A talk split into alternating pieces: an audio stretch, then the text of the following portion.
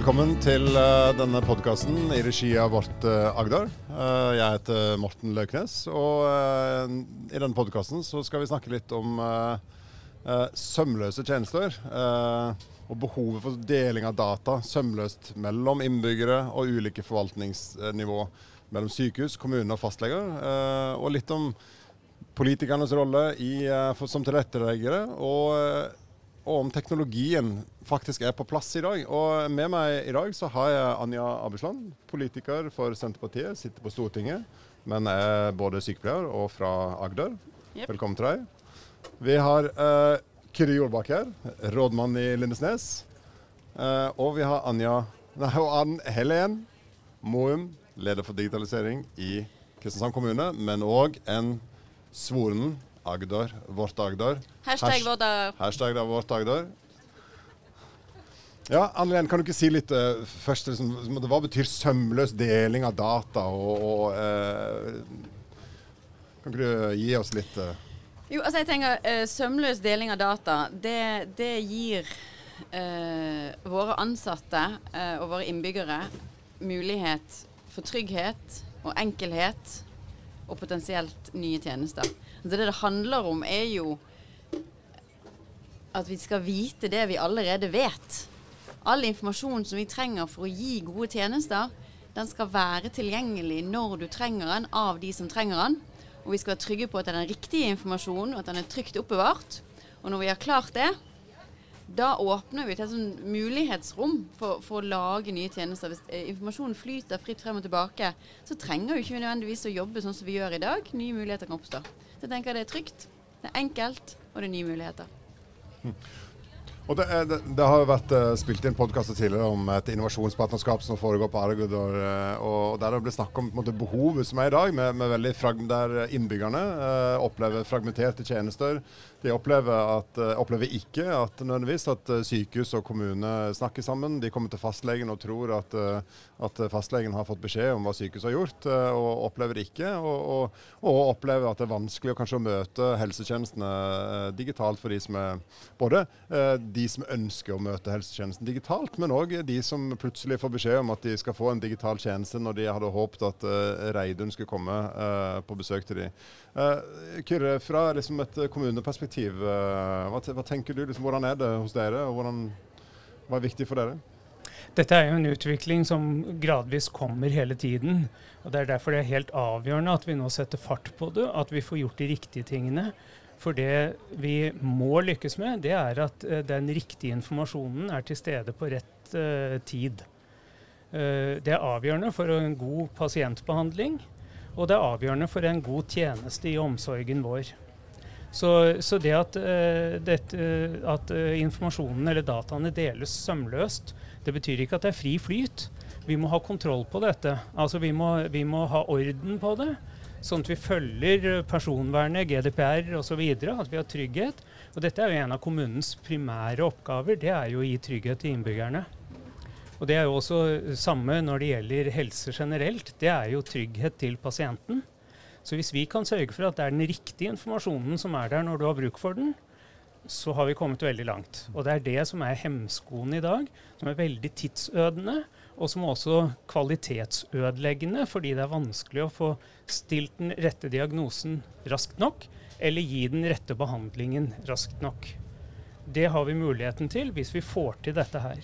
Det er mye som må på plass, også i kommunene, med at vi trimmer våre ansatte slik at de har den rette kompetansen, og at de, vi har grensesnittene på plass, slik at utstyret de har med seg, sørger for at vi får den informasjonen vi trenger når vi trenger den.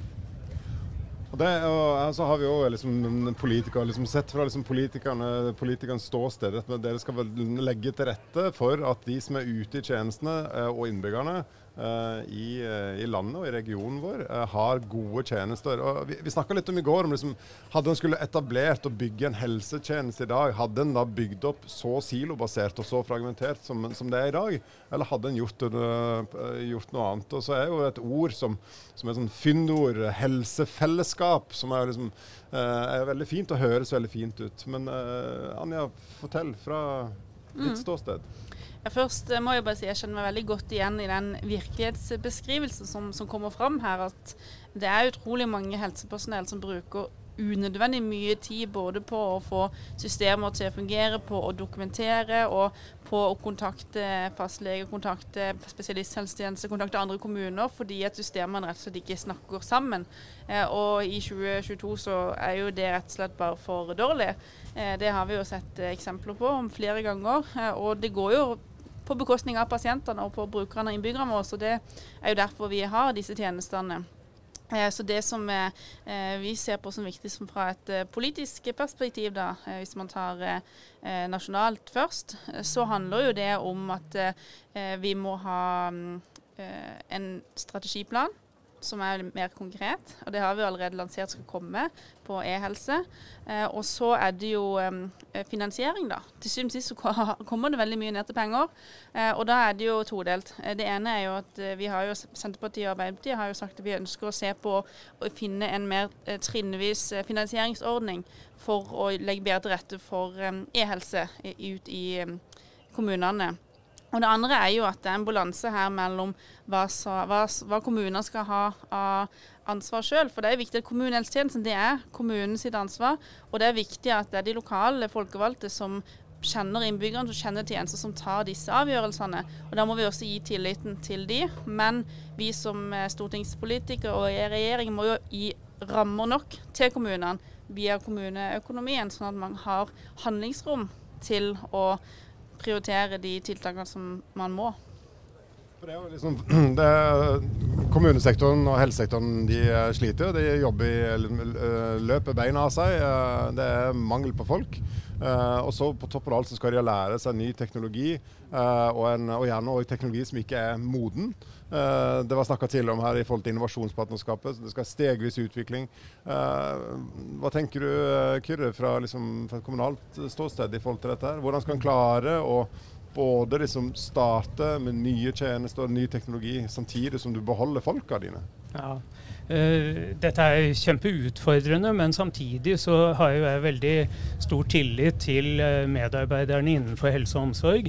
De er utrolig dyktige, flinke til å lære seg metoder og flinke til å holde kvaliteten oppe. Så, så jeg tror ikke det er der er problemet, men det er det at vi må se alle leddene eh, samlet. Fordi at vi må, vi må, stille både krav og ha rammebetingelser for også fastlegene og deres kontorer, slik at de også er med i loopen her. Eh, det er helt avgjørende, sånn at vi får den, den riktige informasjonen til å flyte riktig. Eh, så handler det jo også veldig mye om eh, tillit, dette her. Og vi har jo Senterpartiet og Arbeiderpartiet også lansert noe vi kaller en tillitsreform. For det er veldig mange grep som må gjøres. Det er ikke bare om å satse på e-helse og velferdsteknologi, men det er jo mye som henger sammen. Og det med faktisk få mer tillit inn i systemene, få mer tillit og gi mer eierskap til en sykepleier f.eks., til en helsefagarbeider, til en Nav-veileder. At man har myndighet og tillit nok til å ta de beslutningene som, eh, som trengs, uten at det må gå gjennom så mange ledd. Det tror jeg òg kan ha en stor betydning. For det handler også, som dere har vært inne på, at en må bruke den kompetansen en har på en bedre måte enn vi gjør i dag. Fordi vi kan ikke fortsette å rigge eh, helsevesenet vårt på den måten som vi har gjort fram til nå. Det har vi ikke ressurser til. Det ser jeg jo, vi som jobber med digitalisering. Det, det medarbeidere i helse og andre fag snakker om, er det, det de trenger, er tid. De er villige til å ta nye løsninger. De, de sier bare kan ikke dere utstyre oss med alle dingskene som kan ta seg av det dingsene kan ta seg av, sånn at vi kan bruke vår tid på å være varme hender, på å være rådgivende og være der til stede. Så jeg kjenner på Jeg er ikke redd for at de ansatte ikke skal være klar, for de, de roper jo om dette og ønsker det velkommen. Men det ene, som du sier, vi må ha eh, alle forvaltningsnivåene og alle interessentene de må være med. For, for skal det kunne flyte og være sømløst, så må alle være på innsiden. Og så må vi òg få denne, eh, disse rammebetingelsene på plass. Altså Hvis vi sier sier nå må alle jobbe mer effektivt, ja, men da må vi være villige til å investere.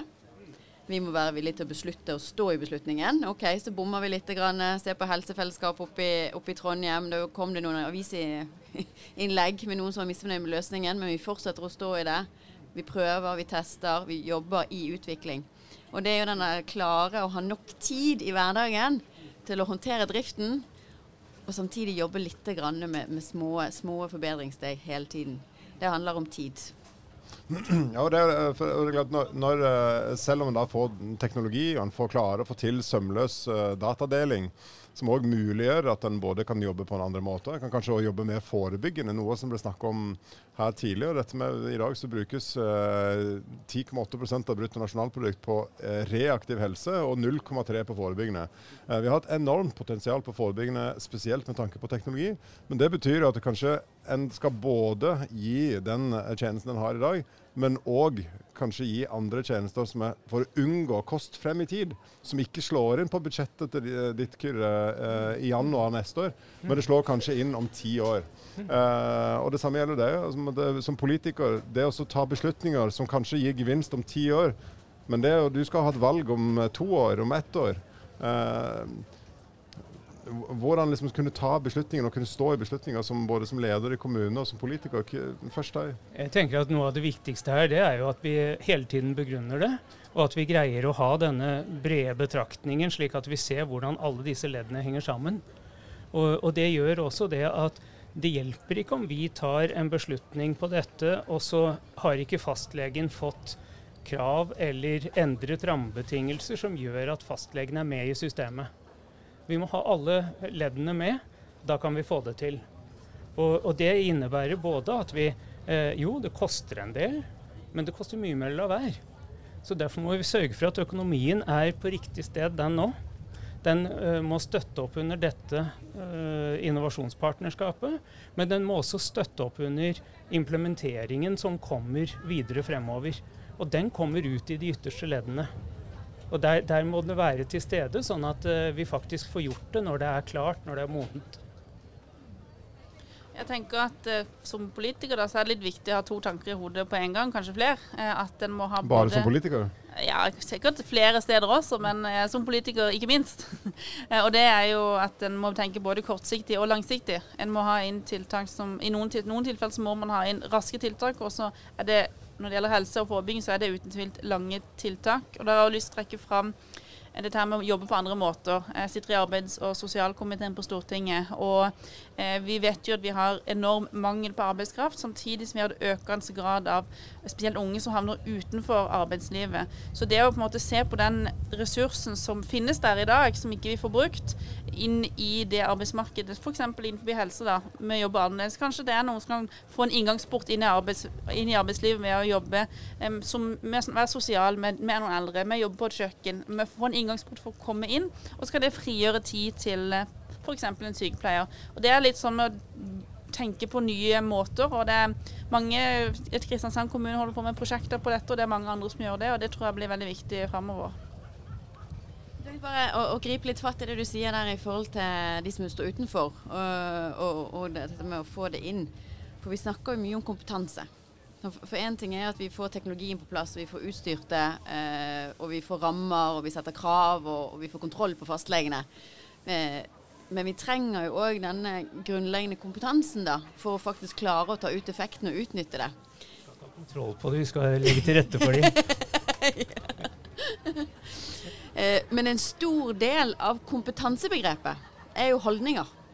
Kunnskap det er én ting, men så har du disse holdningene så klarer vi gjennom hele økosystemet da, å få disse holdningene på plass, eh, så trenger vi kanskje ikke alltid veldig lange utdanningsløp. Vi trenger ikke riktig CV. Har du gode holdninger, og det er det vi legger vekt på, så skal vi kunne gi deg den kunnskapen vi trenger, og få mer fart på dette. her. En ting vi politikere ikke kan vedta, så er det jo holdninger. Selv om vi kanskje gjerne skulle ønske vi kunne det. Men eh, det vi kan gjøre, er å prøve å legge til rette. Og så handler det også noen tilfeller bare snakke om det. Snakke opp og snakke fram eh, de temaene som er viktige. Og det tror jeg vi kan bli flinkere på, mange.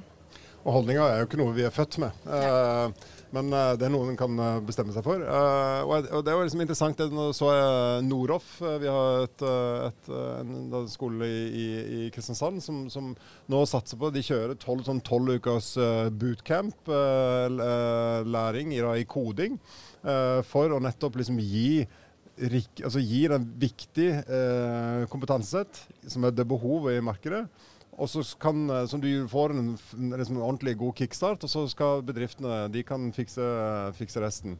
Uh, og Det å se på sånne ting innenfor helse, det er interessant. Uh, og klart også, Det er jo interessant òg. Det er 10 sykefravær i, i, uh, i, mange av kommunene på, på helse.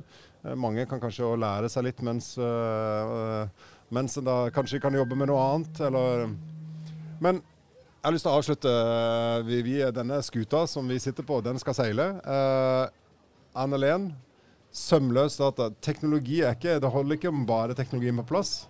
Du har snakka om kompetanse. Det blir snakka her om kultur. Uh, vi snakker om vi må ha økonomien og forretningsmodellene på plass. Og så må vi ha politikere som òg uh, vil og tør og tar beslutninger både på kort og lang sikt som er til det beste for, for kommunene, og gir kommunene de eh, rammebetingelsene som de trenger for å nettopp å kunne klare å levere eh, gode tjenester for, for, innbyggerne våre. Tusen takk for at dere kom her i dag, og ha en god eh, dag videre. Takk for denne podkasten eh, som jeg har kjørt i dag, i regi av Vårt Agder. Hashtag Vårt Agder. Takk for i dag.